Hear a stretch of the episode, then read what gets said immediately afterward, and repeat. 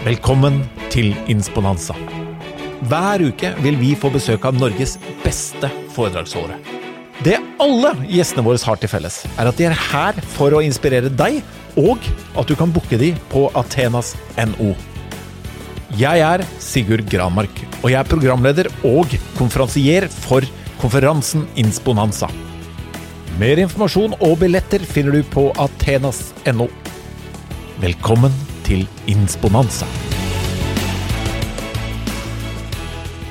Velkommen til en ny episode av Insponanza. Og Insponanza det eksisterer rett og slett for at uh, Athenas har funnet ut at i 2021 så trenger vi litt inspirasjon. Og i hvert fall i starten nå, for å dra i gang og komme i gang litt.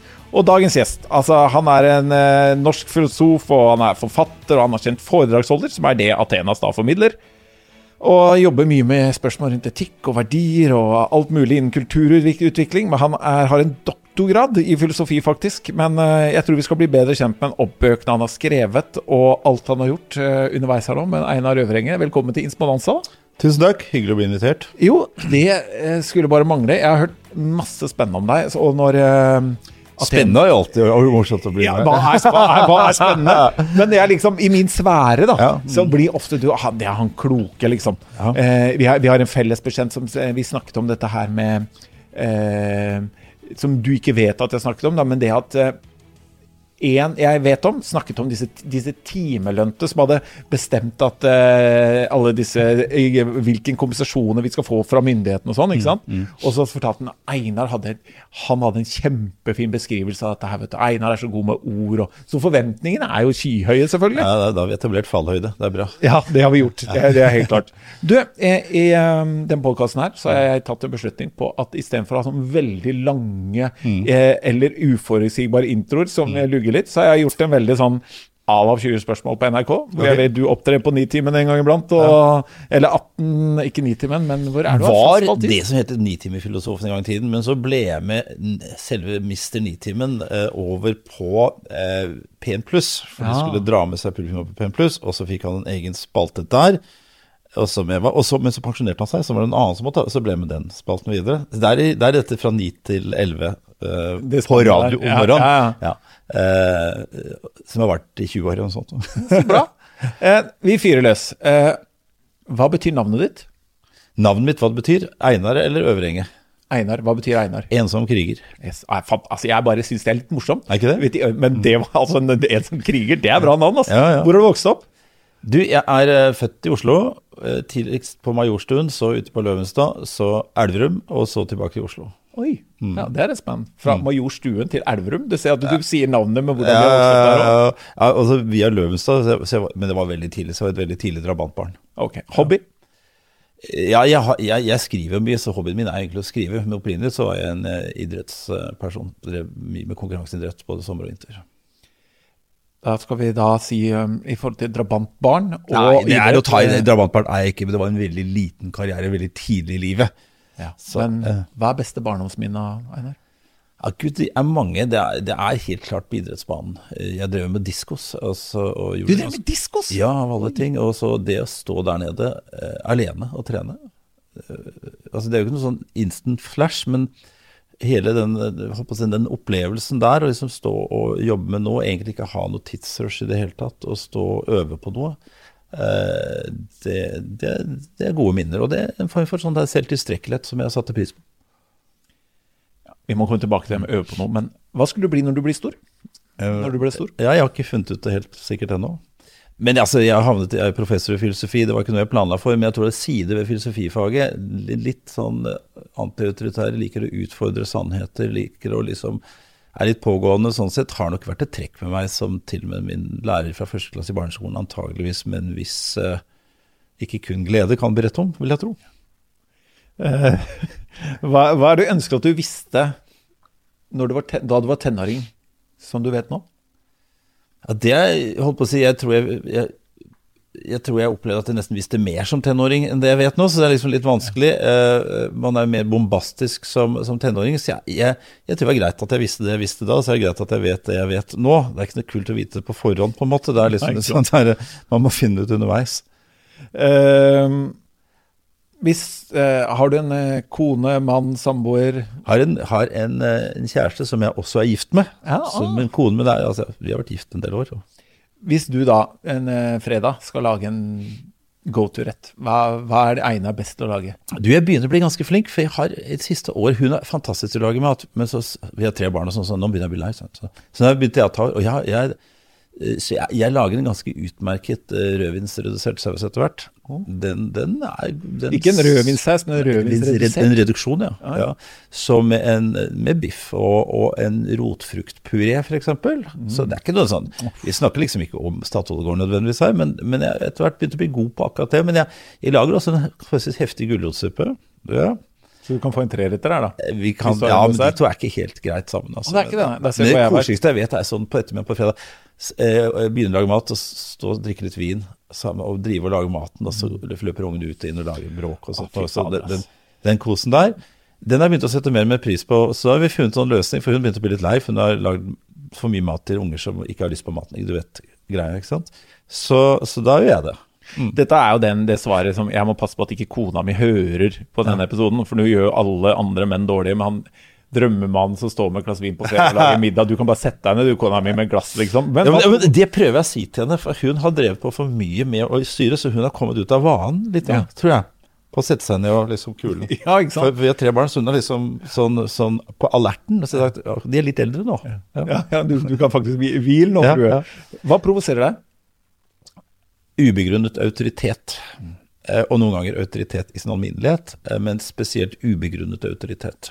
Og hva er ubegrunnet autoritet? Er De som- det på kunnskap, eller? Ja, det, altså jeg jobber jo veldig mye med etikk, og etikk handler om å, å være villig til å begrunne sine oppfatninger på en saklig måte. Og, og autoritære utspill som ikke har en begrunnelse som er saklig, f.eks. jeg er jo forsker ikke sant, i vitenskap, altså man påstår og, og sier at noe skal være sånn. Ja, men ok, fint det, men hvorfor?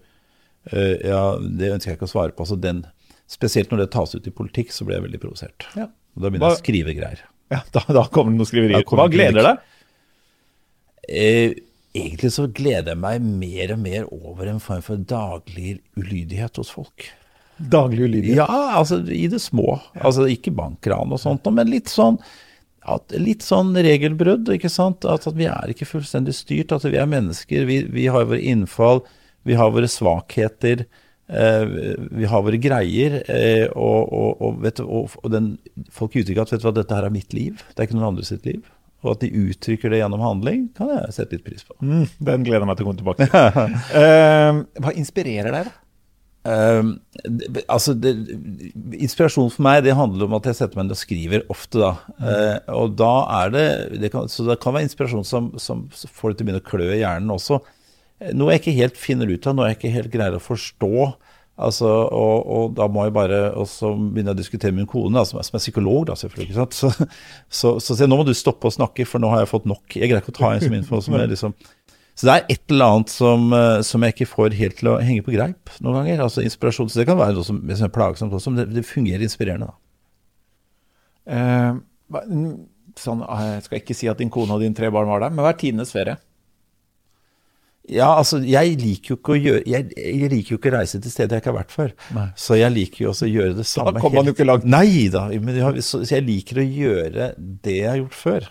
Og, det, og folk sier at jeg vil ut i veien overalt. Ja, jeg også, men, men vi har f.eks. hatt et bestemt sted på Mallorca, som ikke er den hotelldirekte delen av Mallorca, men en litt annen del av oss. Og, og vi kommer, og vi har vært der 20 år eller noe sånt nå. Ja. og komme tilbake, og dit, eh, det er for meg å komme tilbake nå og så gjøre det igjen. Akkurat som vi har et sånt familiested på, på Ringsaker som har vært i min kones familie i 150 år eller noe sånt nå. Og det er en spesiell lukt. Og hver gang jeg kommer inn døren der igjen og kjenner lukten, det er for meg det tidenes. Altså det kommer tilbake, egentlig. Gjenkjenne. Ja. Gjert Ingebrigtsens definisjon på ferie var jo det er jo bare å spise pizza på et annet sted. Så han har ikke helt den samme. Eh, litt sånn eh, valg her nå. Film eller bok? Altså, det holder på å si om jeg skal lage eller se. Altså, altså, du kan si at jeg skriver en bøker, men jeg er ikke så glad i lesebøker nødvendigvis, og film. Uh, kunst eller idrett? Det, det svinger litt. Uh, var nok idrett blitt mer kunst? SMS eller ringe? Uh, jeg, noen ganger er jeg kanskje glad i å SMS, men litt for glad i den. rett og slett fordi jeg gjør det litt for lettfint for meg selv. Lede eller bli ledet?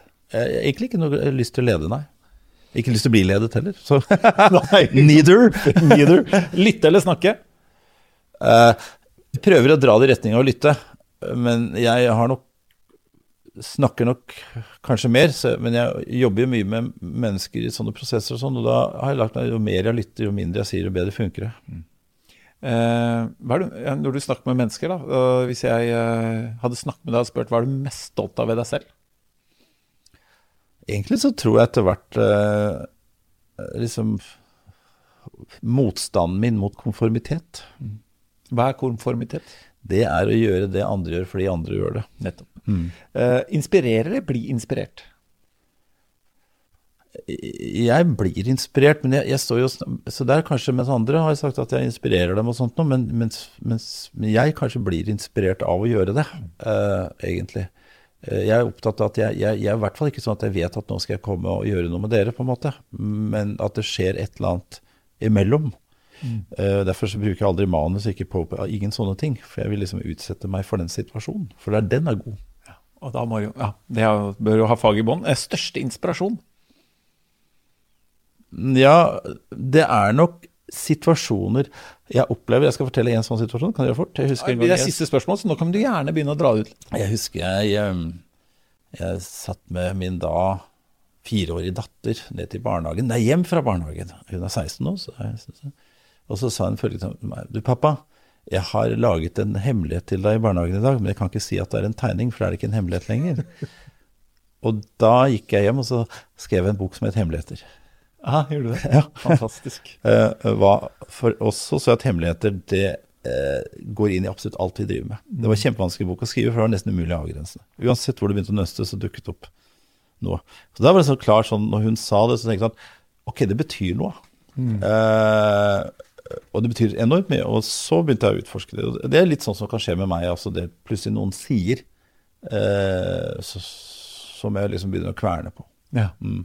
Og når du skriver den hemmeligheter, og du har skrevet uh, 'Livets øyeblikk', 'Lykkens filosofi' og 'Bli sin egen venn' en, eh, Disse bøkene, når det går litt tid, da, når du har holdt på lenge, står det seg? Er, er, ting konstant? Eller føler du at både hva du mener og hvordan Vi står midt i en blackface-debatt her nå, liksom. Hvordan, Nei, hvordan, står det seg? Jeg, altså jeg, Grunntemaet mitt er respekt for individets autonomi, respekt for individets rett til å ta sine egne valg og beslutninger i livet. Det har stått seg, det er hele grunnplanken min. Eh, det jeg skrev min doktorgrad om, eh, det jeg jobber ut ifra hele tiden. Men det er jo en mange, mangefasettert greie. Så kan vi si at den evnen er absolutt, eh, men i en grense. Du skal ikke frata andre retten til akkurat det samme, og så må vi finne en måte å få det til å funke på. Det står seg. Og så har jeg tatt det ut i Bli sin egen venn. En bok som så til ganske bra egentlig lenge siden, da. men og jeg sa at hvordan forholder vi oss til oss selv da, som det? ikke sant? Altså, og Poenget er at det er en slags myte om at vi er, vi, å si, vi er høye på oss selv og ser ned på andre, men hvis det begynner å gå folk på klingen, så er det ofte ikke sånn. Altså, ikke sant? Folk uh, er omvendt. Altså, de, de, det å være et person er å stå i en relasjon til seg selv, og i den relasjonen så er vi mange av oss ganske nådeløse. Mm. Eh, mye mer nådeløse mot oss selv enn vi, er, enn vi er mot andre mennesker. Altså Hvordan anerkjenner vi oss selv i den rollen da? Og Det er en sånn tematikk som, som ligger i etikken, f.eks. sånn å styre seg selv. Eh, og den står seg, for den, er, den, går tilbake til de greske filosofene, egentlig, så det er ikke noe jeg finner på. Nei, og det er forskjellige typer etikk, mm. uh, har jeg lært, mm. som har utviklet seg gjennom uh, De overprøver andre, og så er det noen som har vært helt fra Sokrates, og så kommer det jo på 1700-tallet nyere etikk. Mm. Men av det, disse grekerne og, mm. og det, med, her, det, det, står seg stort sett ennå, det, da? Ja, jeg, jeg, kan, jeg, tar ofte utgangspunkt i et spørsmål som går tilbake til Aristoteles. Aristoteles, en gresk filosof, levde for da, 2300 år siden. Nesten umulig å overvurdere betydningen hans. ikke sant? Og Da kan du si at det er abstrakt tenkning. Sånt. Nei, det er veldig konkrete ting. Det kan tas ned i helt konkrete ting. Spørsmålet hans er enhver god håndverker, sa han, vi kan kanskje si enhver profesjonell, da, må forstå sitt materiale. En snekker må vite noe om treverk for å være en god snekker. Vet du ikke det, så er det en dårlig snekker. Hvor mye varme tåler, hvor mye belastning tåler osv. En glassmester nå snakker ikke han så mye om glassmestere av historiske grunner, da, men, men, må vite at glass har sine egenskaper, og det er veldig annerledes enn treverk. Og Hvis du ikke vet det, så blir du en god glassmester. Og kan vi fortsette derfra, de som jobber med mennesker, de må vite hva de jobber med når de jobber med mennesker. Mm. Og jeg, jobber, jeg, snakker bare med folk som jobber med mennesker. Eller alle gjør det. Hva er det du jobber med når du jobber med mennesker, f.eks. som leder? Og det du jobber med da, det er deres selvbestemmelse. Det er det du jobber med. Ja. Og det må være utgangspunktet. Hva er selvbestemmelse? Ja, det at de hele tiden er i en posisjon til å ta sine valg og bestemme over seg selv. Skal jeg gjøre slik eller sånn? Slipper ikke unna. Tar tusenvis av sånne valg daglig. Altså ganske banale, men noen ganske vesentlige. Og Det er det du jobber med, og vi alle forsøker å finne ut av det. Og vi har ingen fasit for hånden, så vi vet hva vi skal gjøre, men vi må bruke vår dømmekraft. Og Uansett hvor beinhardt undertrykkende politisk system Jeg har jobba mye med politisk filosofi, og spesielt sånn fremveksten av fascisme og sånt. Ser ikke de greier å demme opp for den kraften hos mennesker. ikke sant? Altså, det finnes, Ser de verst mest undertrykkende regimene i verden, Nord-Korea, så finnes det dissidenter altså, som sier pokker, dere vil ikke være med på dette her. Ikke sant? Fordi de står imot. Uh, ut ifra at det er ikke og, og det er jo selvfølgelig livsfarlig. Men gjennom å, å forholde seg til seg selv eh, og si at 'jeg har en valgmulighet'. Jeg har en valgmulighet, ikke sant. Man har alltid en valgmulighet. Noen valgene er forferdelig tøffe, altså. Men de ligger der, og noen mennesker tenker at 'jeg kan ikke leve uten å ta det valget der', selv om det valget der utsetter meg for livsfare. For sånn er det også mennesker. Er den, den selvbestemte, det, det å velge selv og de valgene man gjør, mm. er det en referanseramme? Ja, det er det jo selvfølgelig, og den er kanskje tidvis svært kulturell, da. Ja. Det er det jo klart. Mm.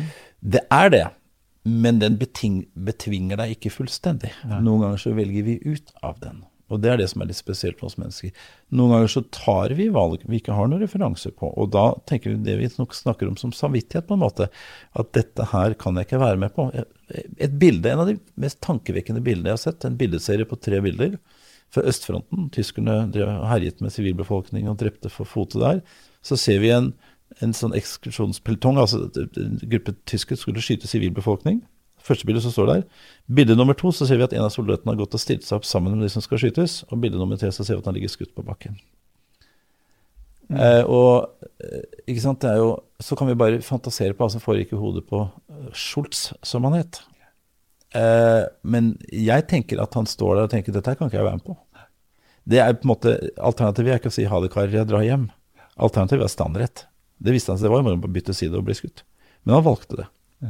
Utifra, og det var å velge langt utover den rammen. Altså, det, altså de de møtte der, var jo presentert som fienden og, og sånt noe. Og det er sånne valg tar også mennesker. Eh, og nettopp kanskje Det var en fantastisk intervju med en nonne jeg hørte nettopp, som sa at hvor blir det av vår dødsforakt? Ja.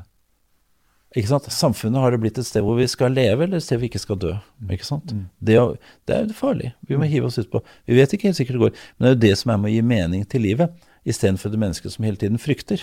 Hadde dette vært en person som hele tiden fryktet, så hadde han stått og drept noen der. Og så kan man si eh, hva er det eneste du holdt på å si får med deg videre her i livet, er antageligvis din integritet som blir igjen etter det. For det er ettermælet ditt? Ja, eksempel. Ja. Altså, eller hva det nå måtte være. Men du får i hvert fall ikke med deg huset og bilen og båten og hytta. Det er vi helt sikre på. Det er ganske sikkert. Ja. Og hvis vi da er, hvis vi snakker om det med å, å som veldig mye religion er knytta til, at det er noe etterpå. Mm. Eh, og den, vi, både den dødsfrakt og det ønsket om å Det er noen ganger jeg føler at ønsket om å være i live er sterkere enn ønsket om å leve. Ja. Er vi redde for å leve? Ja, jeg tror, og i økende grad. Ja.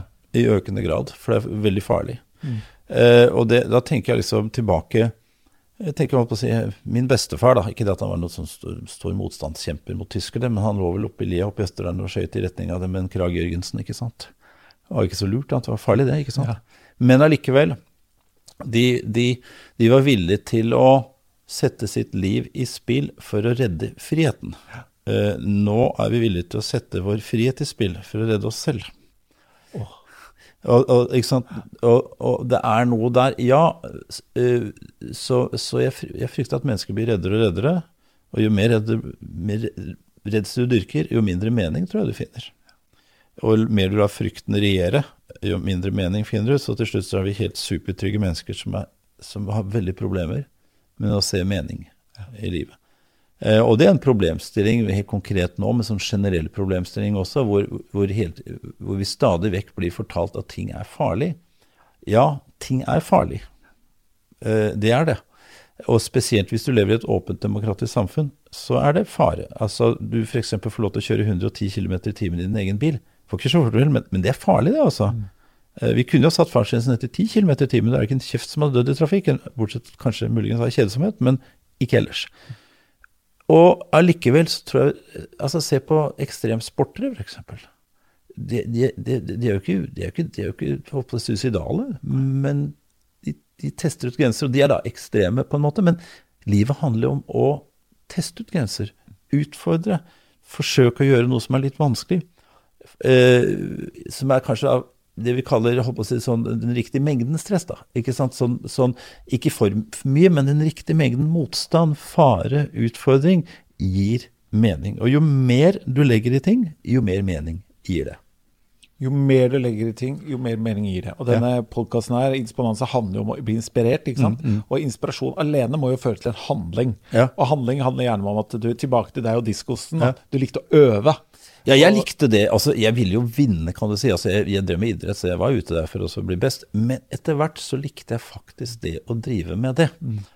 Eh, og, og, det ble etter hvert også et slags mål i seg selv. For hvis du ikke liker, hvis du ikke liker å øve, så vil du ikke bli flink til det. Du må like å øve med noe.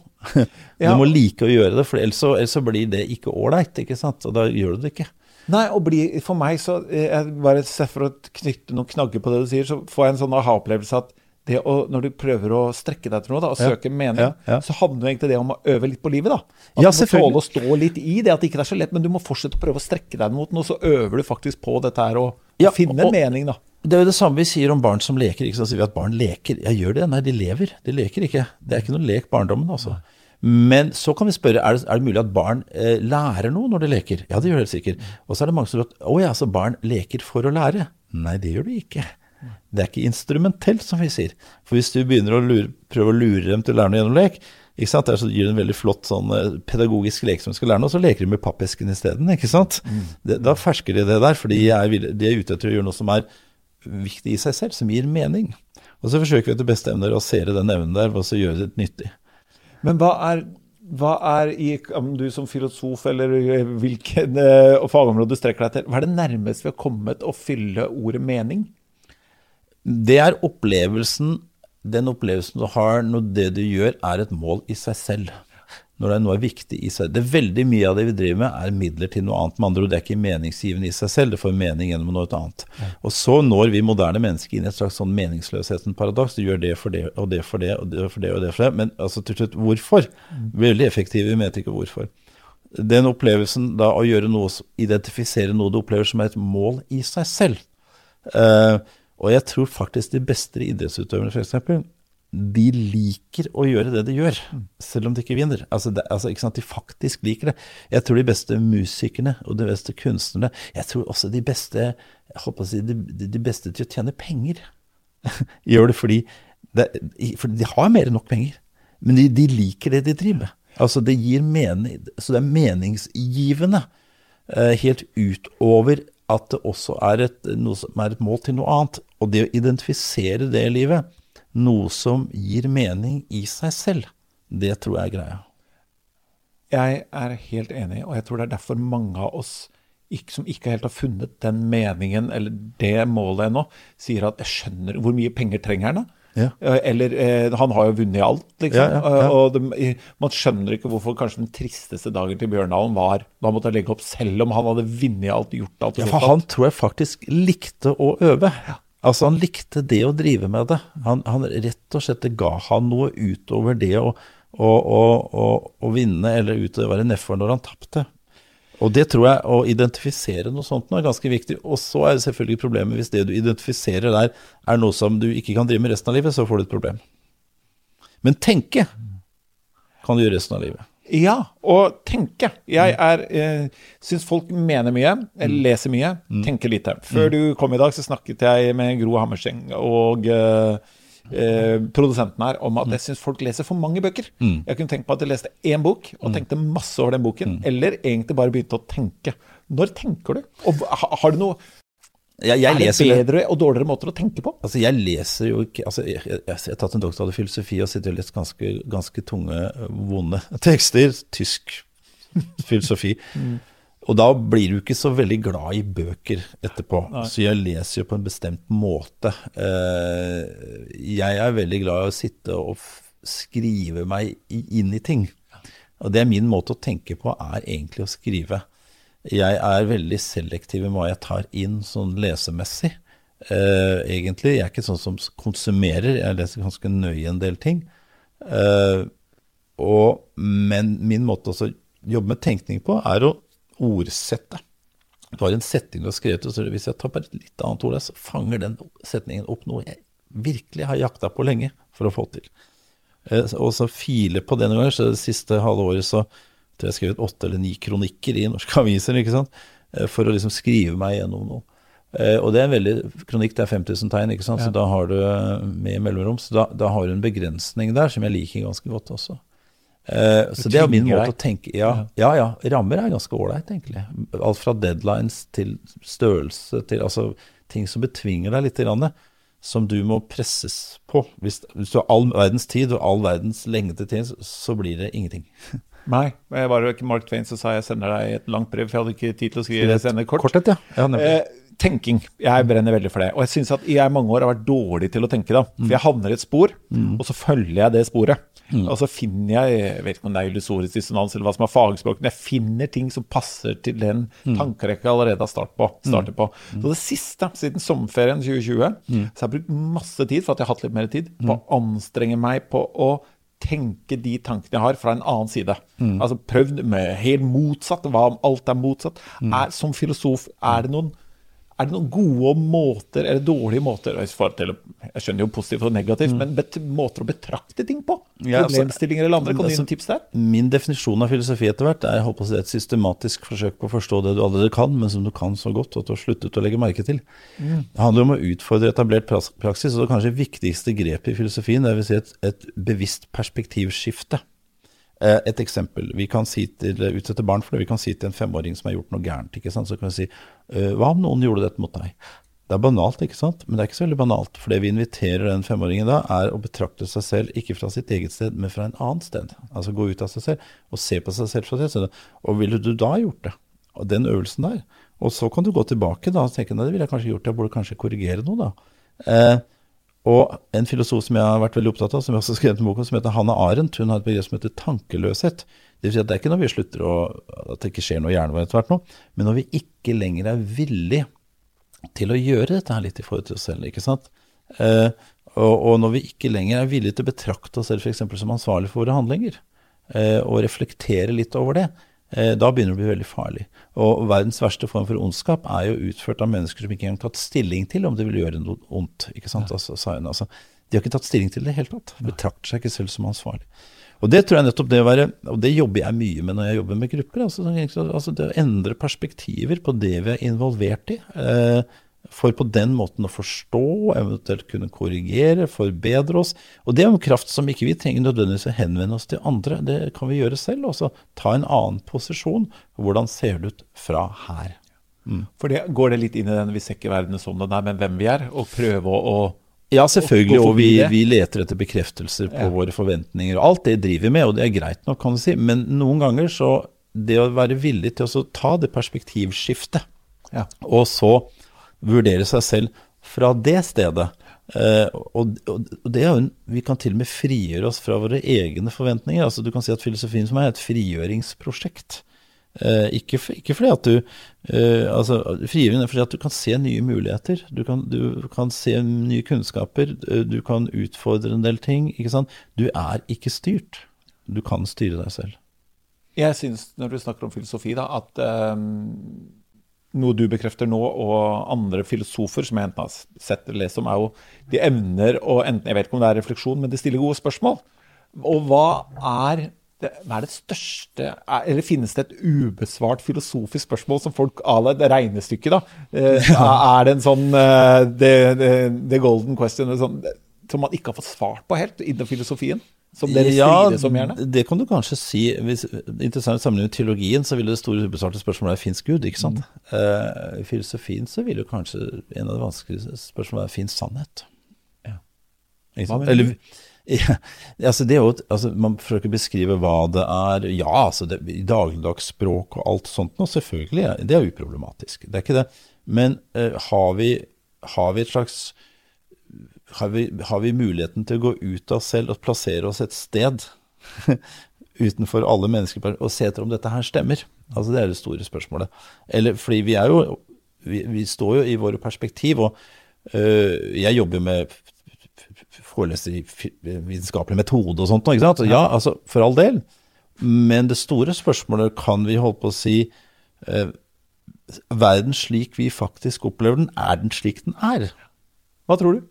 Eh, og da, jo, en filosof som Immanuel Kant svarer ja, den er slik for oss. Ikke sant? Det er så bra svar. Ja, Kant kjenner jeg jo litt til. Og, men, men, det du sier, da, at det, eh, den sannheten Finnes det en sannhet? Og Jeg vet ikke om det er riktig overgang, men for meg, jeg blander. Jeg er ikke noe verken uh, jeg, har en, jeg, har en, jeg, er ikke flink, men jeg har en nysgjerrighet på emnet ditt. Mm. Den fellen jeg ofte går i, er forskjellen på etikk og moral. Når, som du leda meg inn på litt, det sannhet. Hva er forskjellen på etikk og moral?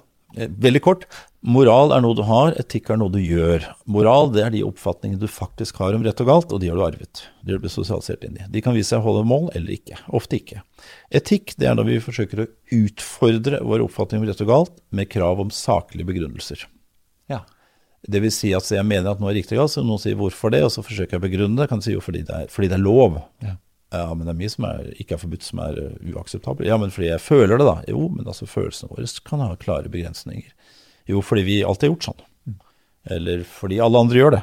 Det jeg har nevnt nå, er sånne røde flagg-begrunnelser, ikke sant. Ja. Eh, og da, da, driver vi etikk. Ved hjelp av etikken så utfordrer vi den posisjonen vi allerede har. Så det er en filosofisk aktivitet. Eh, for å forsøke å finne ut om det holder vann. ikke sant? Vi har nok ikke en medfødt moral, så vi vet hva som er riktig eller galt.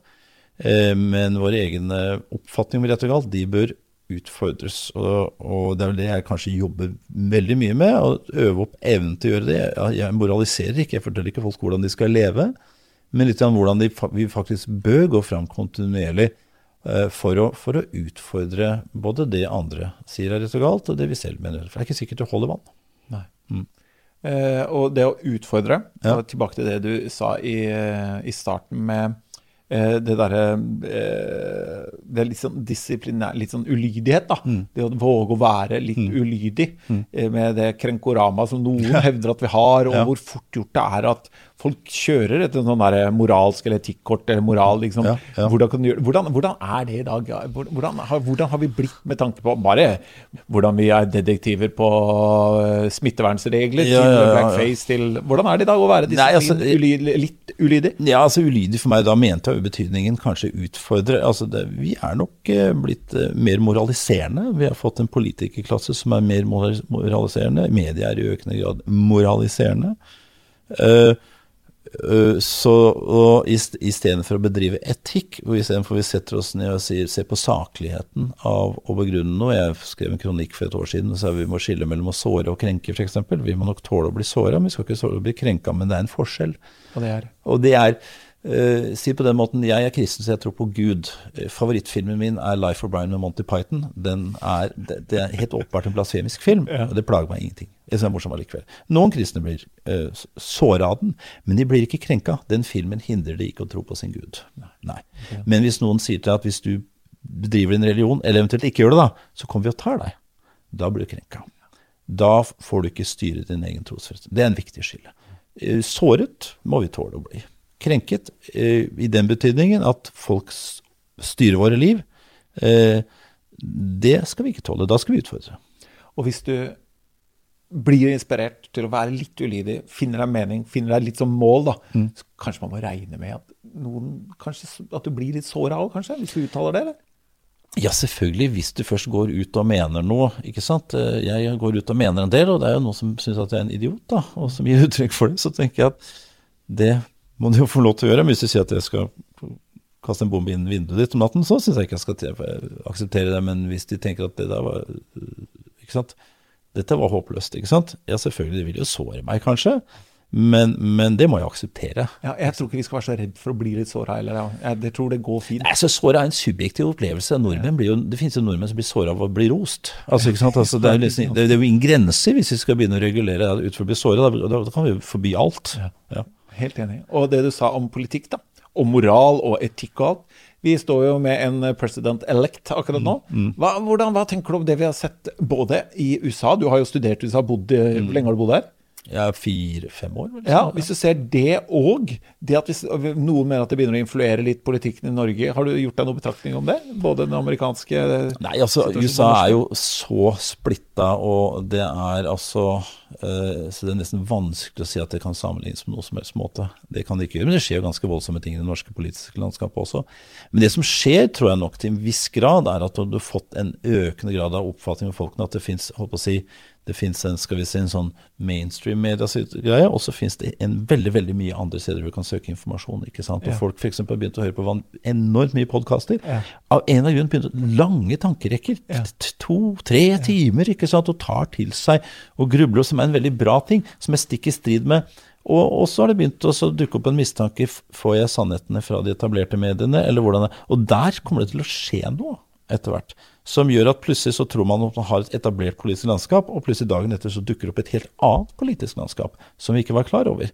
Eh, jeg tror ikke vi skal drive til sammenligning med USA, det, det, er noe helt annet. Men, men, det kan også skje i Norge. Og, vi har jo sett det også. Plutselig har noen partier økt noe helt vanvittig, ikke sant? andre har gått tilbake.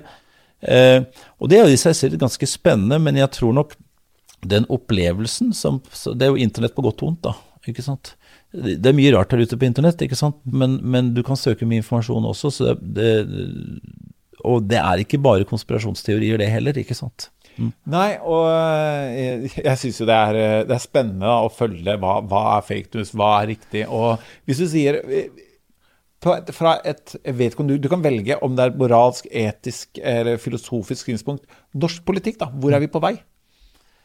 Nei, Det er vanskelig å si egentlig, fordi vi er i hvert fall på vei hvor, hvor vi har et, eh, det klassiske eh, eh, holdt på å si, sterke partiet vårt ikke er det lenger. ikke sant? Mm, altså, mm. Så, og det er jo litt det sterke sosialdemokratiske partiet. Nå kan du si at alle i sentrum er sosialdemokratiske, mer eller mindre. Men at det har skjedd noe der eh, som er uttrykk for noe. Eh, jeg, eh, hvor, er, hvor både Altså, du har et senterparti som som er på 20-tallet nå, så får vi se om de holder formen, da. Men det er jo ganske voldsomt, ikke mm. sant. Eh, som plutselig på en måned var Norges største parti. Hva er det et uttrykk for, f.eks.? Hva tror du det er? Jeg tror til viss grad det er Jeg tror det globale er ekstremt fremmedgjørende i mange forstand. Folk griper det ikke, det er ikke i nærheten av deg. Altså Et demokrati eh, fordrer en viss grad av nærhet ja. mellom de som styrer og de som blir styrt. Jeg tror identifiseringen med det lokale er ganske sterkt i Norge. Jeg tenker jo at et fungerende demokrati forutsetter en viss nærhet, og jeg tror det er en refleksjon over det. Eh, jeg tror det har å gjøre med identifisering, ikke bare til Norge, men til hvor i Norge du bor. Eh, eh, så det er mye av dette der, og klart at dette vokser typisk Senterpartiet på. ikke sant? Dette vil man jo typisk ha som diskusjoner under EU-kamper også, da vokste de, selvfølgelig. Eh, så midt oppi det globale så tror jeg det begynner å vokse frem en veldig tiltrekning til det lokale. Ja. Eh, Derav Senterpartiet. Ja, og så får vi se om det er tilfellet, eller om det dukker opp noe nytt. Ja. Men jeg tror i hvert fall den bevegelsen, for jeg tror dette globale blir eh, nesten meningsløst til slutt for mennesker. ikke sant? Eh, jeg tror nok, eh, og, og, derfor så tror jeg du får da den typiske sånn motreaksjonen. da, ikke sant? Mm. Og Det blir spennende hvis det er den veien eh, det går i fremtiden. Jeg har et spørsmål til deg som er helt motsatt. Ja. Hvis du kunne gått tilbake i verdenshistorien og overvært én hendelse, hvilken hendelse skulle det vært? ja, det er sannelig ikke greit, altså. Nei, Kanskje det ville være Sokrates etter at han hadde på, Han ble jo dømt til døden, ikke sant, men dømt til å svelge giftbegeret, som en av mine studenter sa. Men det var giften, altså ikke begeret. Men ja, ja. Eh, eh, så, og, og, etter han hadde gjort det før han døde, så skal det ha foregått en meningsutveksling. Hva hadde du spurt han om da? Nei, Jeg vet ikke om jeg hadde spurt han om. Det han minnet en av de rundt på, var å betale tilbake noe gjeld, blant annet.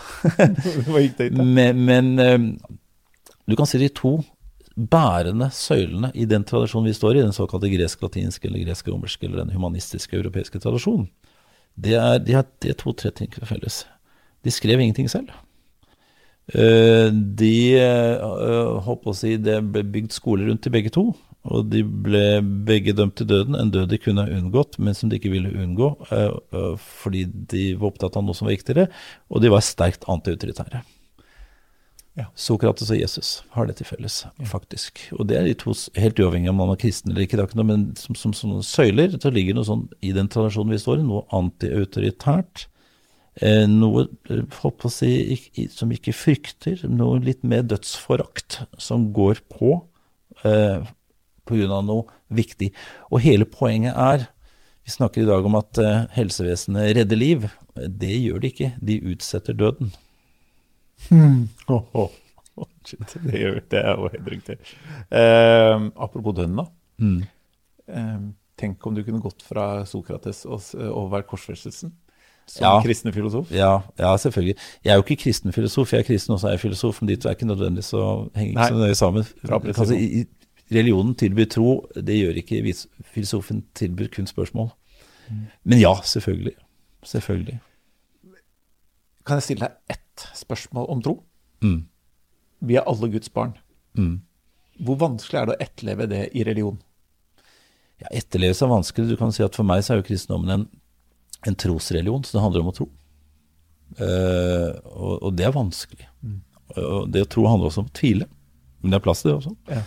Uh, det handler om å være ufullkommen, og ha sine skavanker. Ja. Eh, og så forsøke å jobbe litt med de skavankene, og så ikke helt få det til. Men det er én frigjørende element der. Det fins én makt i verden som er sterkere enn staten. Og det frigjør oss. Og det er, den får du kontakt med gjennom tro. Og det er ganske flott. Hvis du ikke har den, så er staten alt.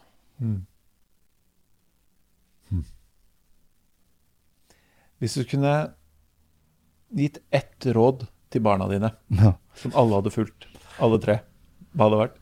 Ikke hør på meg. på en, altså På en måte, ja.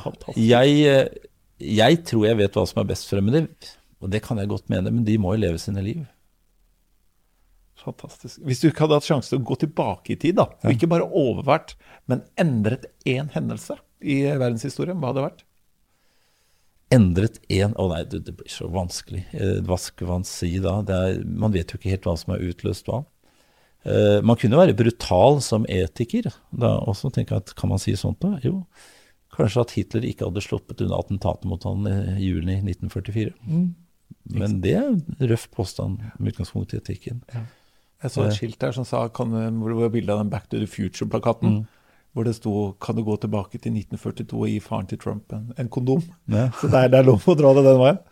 Eh, hvis alle, Siste her nå, før vi begynner å oppsummere. Mm. Hvis alle jobber var ulønna, hadde lik status og lønn og alt, Mm. ville du gjort det du gjorde i dag?